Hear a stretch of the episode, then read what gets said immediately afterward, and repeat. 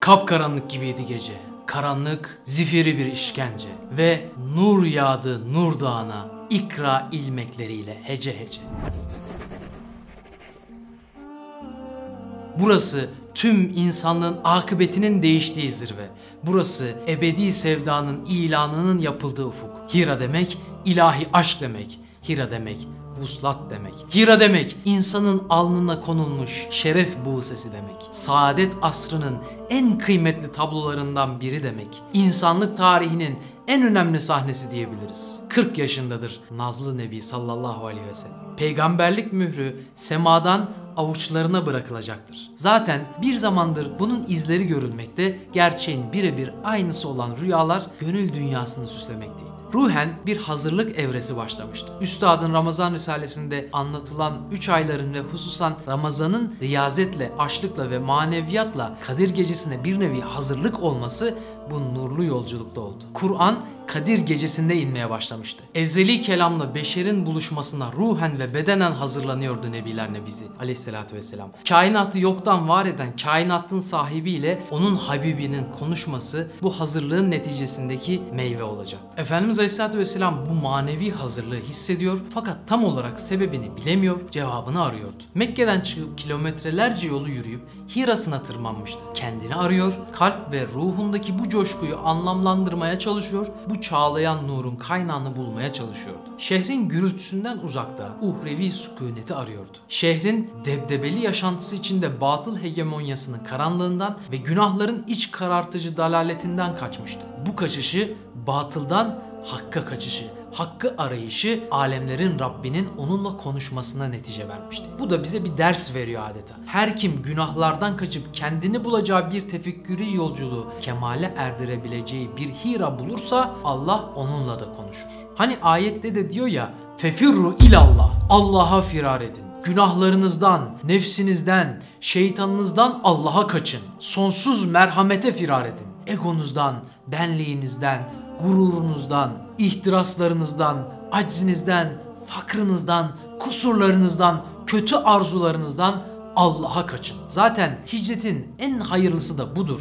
Hicret de zaten bu demek değil midir? Rahatını ve huzurunu Allah için terk etmek. Allah'ın rızasını yaşayabilmek adına alıştıklarını terk etmek. Allah'ın hoşnutluğunu aramak için hatalardan, kusurlardan, günahlardan kaçmanın adı hicret değil midir? Kimin hicreti, kimin gidişleri maddiyat ya da hanımlar içinse yani menfaati içinse o Allah ve Resulüne kavuşamaz. Kimin hicreti ise fefirru ilallah emriyle Rabbine ise o kişi Rabbine, saadete, huzura kavuşacaktır şüphesiz. Bazen düşünüyorum bu meseleyi ve aklıma ashab-ı keyif geliyor. Yani o mağarada 300 yıl uyuyanlar. Bazen huzura kavuşmamız için ashab-ı keyfin mağarası gibi bir sığınak bulmamız gerekiyor. Tıpkı Hira gibi. Bizim için bu sığınak Çınaraltı'dır mesela.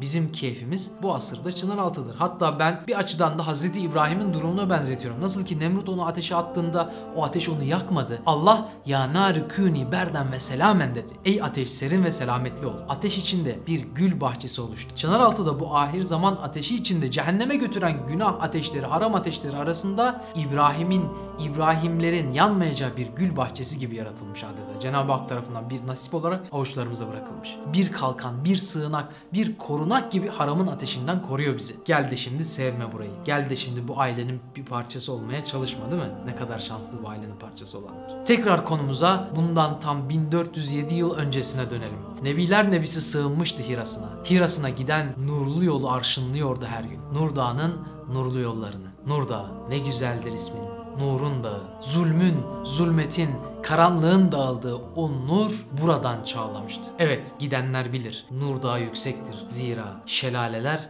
yükseklerden çağlar. Bugün basamaklar olmasına rağmen kanter içerisinde binlerce zorlukla ancak çıkabildiğimiz Nur Dağı bize bazı şeyleri çok derinden derine ders veriyor. Her zorlukla beraber bir kolaylık, her zahmette bir rahmet olabiliyor.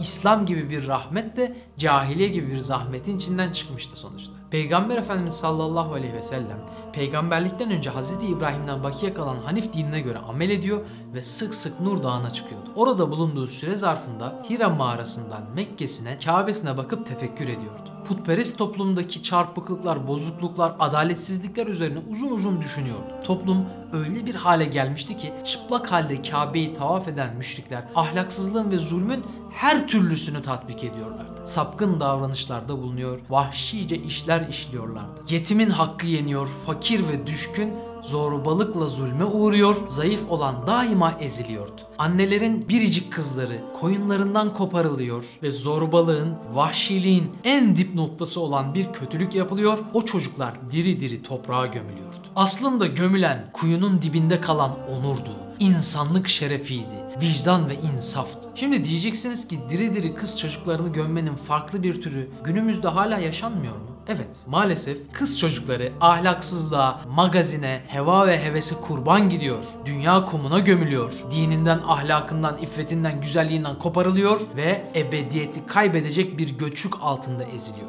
Tabiri caizse diri diri ateşe atılıyor, yakılıyor, diri diri dünyaya gömülüyor ve sonsuzu kaybediyor. Sonsuz kaybetmenin şakası olur mu? İnsan neye zar attığının farkında?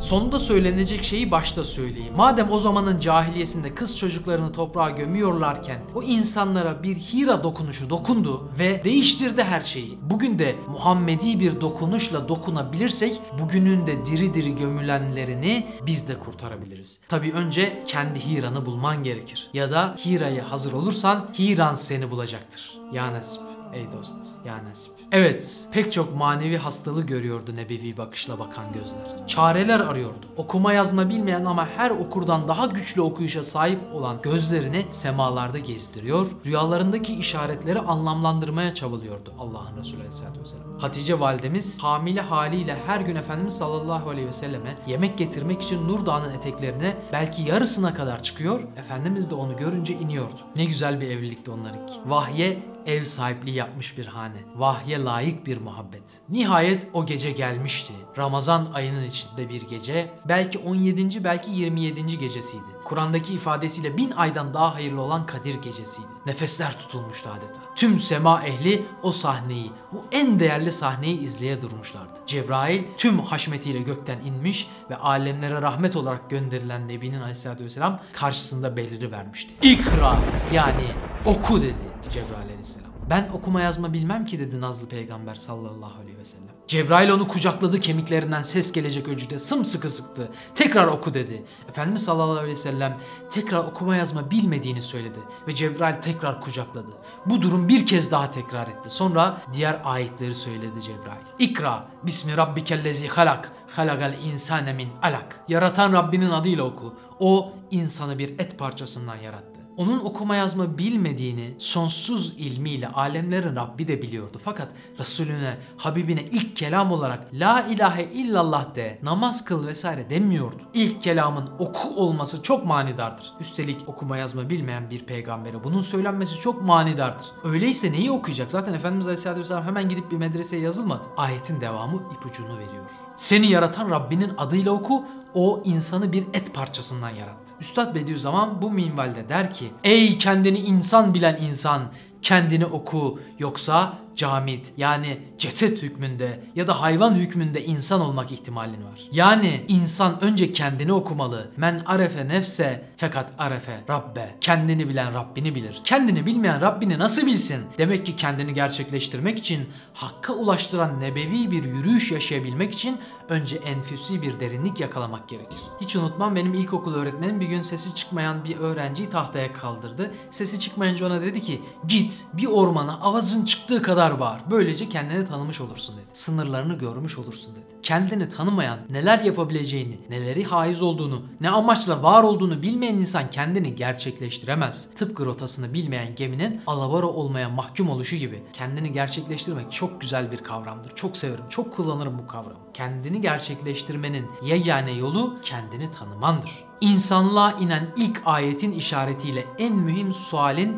cevabını gösteriyor üstad. Ben kimim? Nereden geliyorum? Nereye gidiyorum? Birinci sözümüzü söylemeliyiz kendimize. Fark etmeliyiz. Yapan biz değiliz. Güç getiren, olduran biz değiliz. Ruhumuzda bir inci bulmak için bir inci sözümüzü söylemeliyiz. Bir nur çıkartmak için sinemizden derhal keşfetmeliyiz kabuğumuzun altında yatan gizli hazineyi ya da hazinenin anahtarını. Peygamber Efendimiz sallallahu aleyhi ve sellem de ilk ayeti alınca koşarak nur Dağı'nın aşağı doğru iniyordu. Ne tarafa baksa tüm ufku Cebrail'in kapladığını görüyordu. Kimse ona sen peygambersin dememişti. Şimdi ise taşlar ağaçlar ona selam veriyordu. Az önce yaşadıklarını idrak etmekte zorlanıyor. O sebeple başına bir musibet gelmiş olmasından korkuyordu. Koşarak indi evine, Hatice'sine. Haticesi onun bir başka Hira'sıydı aslında. Onun da huzuru sükuneti buluyordu. Onun yüzündeki bir tebessüm şehrin tüm gürültüsünü susturuyordu. Haticesi olgunluk ve kemalattı. Hira'da aradığı bilgelik Haticesinin gönlünden rahmet peygamberinin sinesine akardı çoğu zaman. Hatice demek hem yol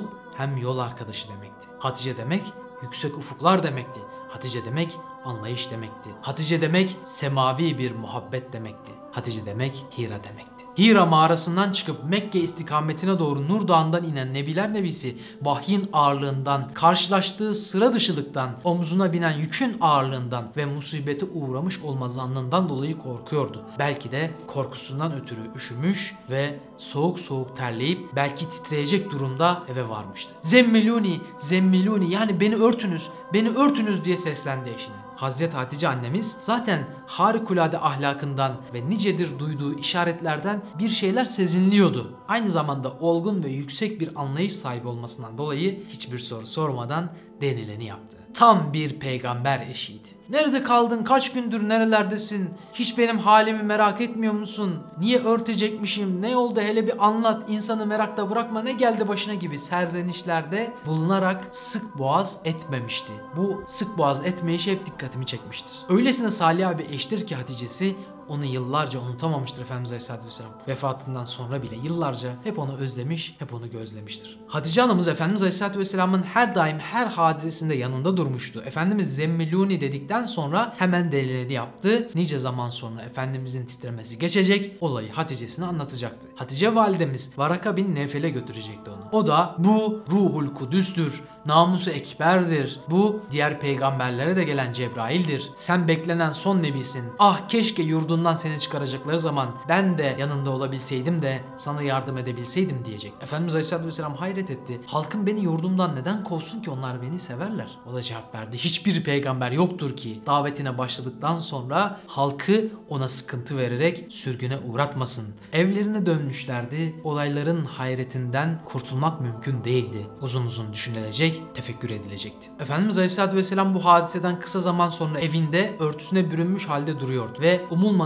bir anda Hazreti Cebrail çıka geldi. Allah'ın sözünü iletmeye gelmişti tüm hızıyla. Ya eyyuhel müddessir kum fenenzir.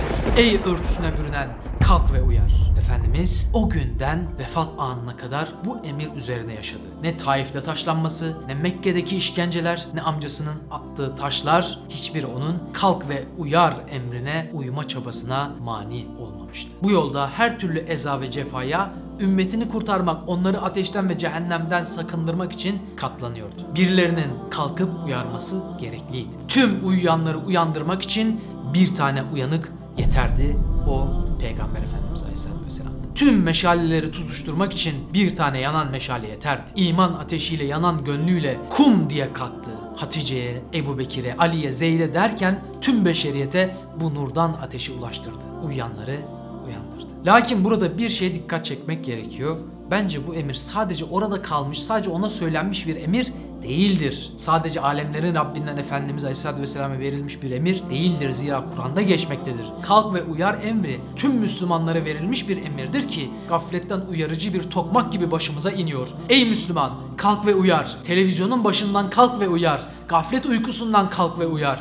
Günahların karanlıklarından kalk ve uyar. Nefsinin altında yeter bu kadar ezildiğin, yeter bu kadar rehavetin göçü altında kaldığın, yeter bu kadar dünya enkazının altında, günah bataklığında kaldığın. Kalk ve uyar. Kalk artık. Cehenneme gidişin ve cehenneme gidişler için kalk artık. Kendin için, alemi İslam için, alemi insaniyet için kalk ve uyar. Tembellikten, boş vermişlikten, bana necilikten ve bahanecilikten kalk. Filistin'de vurulan kardeşin, Gazze'de ezilen mazlumlar, Doğu Türkistan'da inleyen kardeşlerin, tüm alemi İslam senin kalkmanı bekliyor, dirilmeni bekliyor. Nasıl kalkacağım? Nasıl uyaracağım? Ben doğru düzgün bir şey bilmiyorum mu diyorsun? Neyden uyaracağım? Neyden sakındıracağım mı diyorsun? İşte ondan önceki ilk ayete bak diyor sana. İkra. Mesaj apacık değil mi? Oku ey Müslüman. Hem kendinin hem İslam'ın hem insanlığın kaybetmemesi için kalkıp uyarmalısın. Kalkıp uyarabilmen için önce Hira'nı bulmalısın. Hira'sını bulanla Allah konuşur. Evet ilk ayet ikra Hira Nur Dağı'na ineli 1407 yıl oldu. Ama senin gönlüne ne zaman inecek vahiy? Senin gönlünün semasına ayeti ne zaman indireceksin? Hira'nı bulursan oku emrine uyarsın. O emir ile ruhunu süzülüp yerleşir Kur'an hakikatleri. Taklidi imandan seni tahkiki imana taşır o emir. Ve o emirle Hira'dan cennete giden nasipliler yolunu tutabilirsin. Ya nasip dostum, ya nasip. Evet, bu videodaki konuyu Ya Nasip kitabında da anlatmıştım. Elhamdülillah pek çok yerde çok satanlar listesinde, Diyanarlardan veya kitap yurdu sitesinden temin eden kardeşlerimden aldığım mesajlar beklemediğim şekilde üst düzey tepkiler içeriyordu. Instagram'dan zaten sürekli paylaşıyorum. Yazım aşamasında kaç defa, kaç sayfada gözyaşı döküldü zaten bilmiyorum. Ama okuyanlardan böyle bir beklentim yoktu. Size bu videoyla teşekkür etmek istedim. Kitabın ana karakteri olan Hira kızımızın Hira mağarasında Hira'sın yani kendini bulma hikayesi pek çok kişinin kalbine dokunmuş. Bu kadar geniş bir kitlenin kendinden bir parça bulmasından daha memnuniyet verici ne olabilir bilmiyorum. Ya nasip diyerek yola çıkan, Hira'sını bulan, Allah'a firar edenlere selam olsun. Allah'a emanet olun.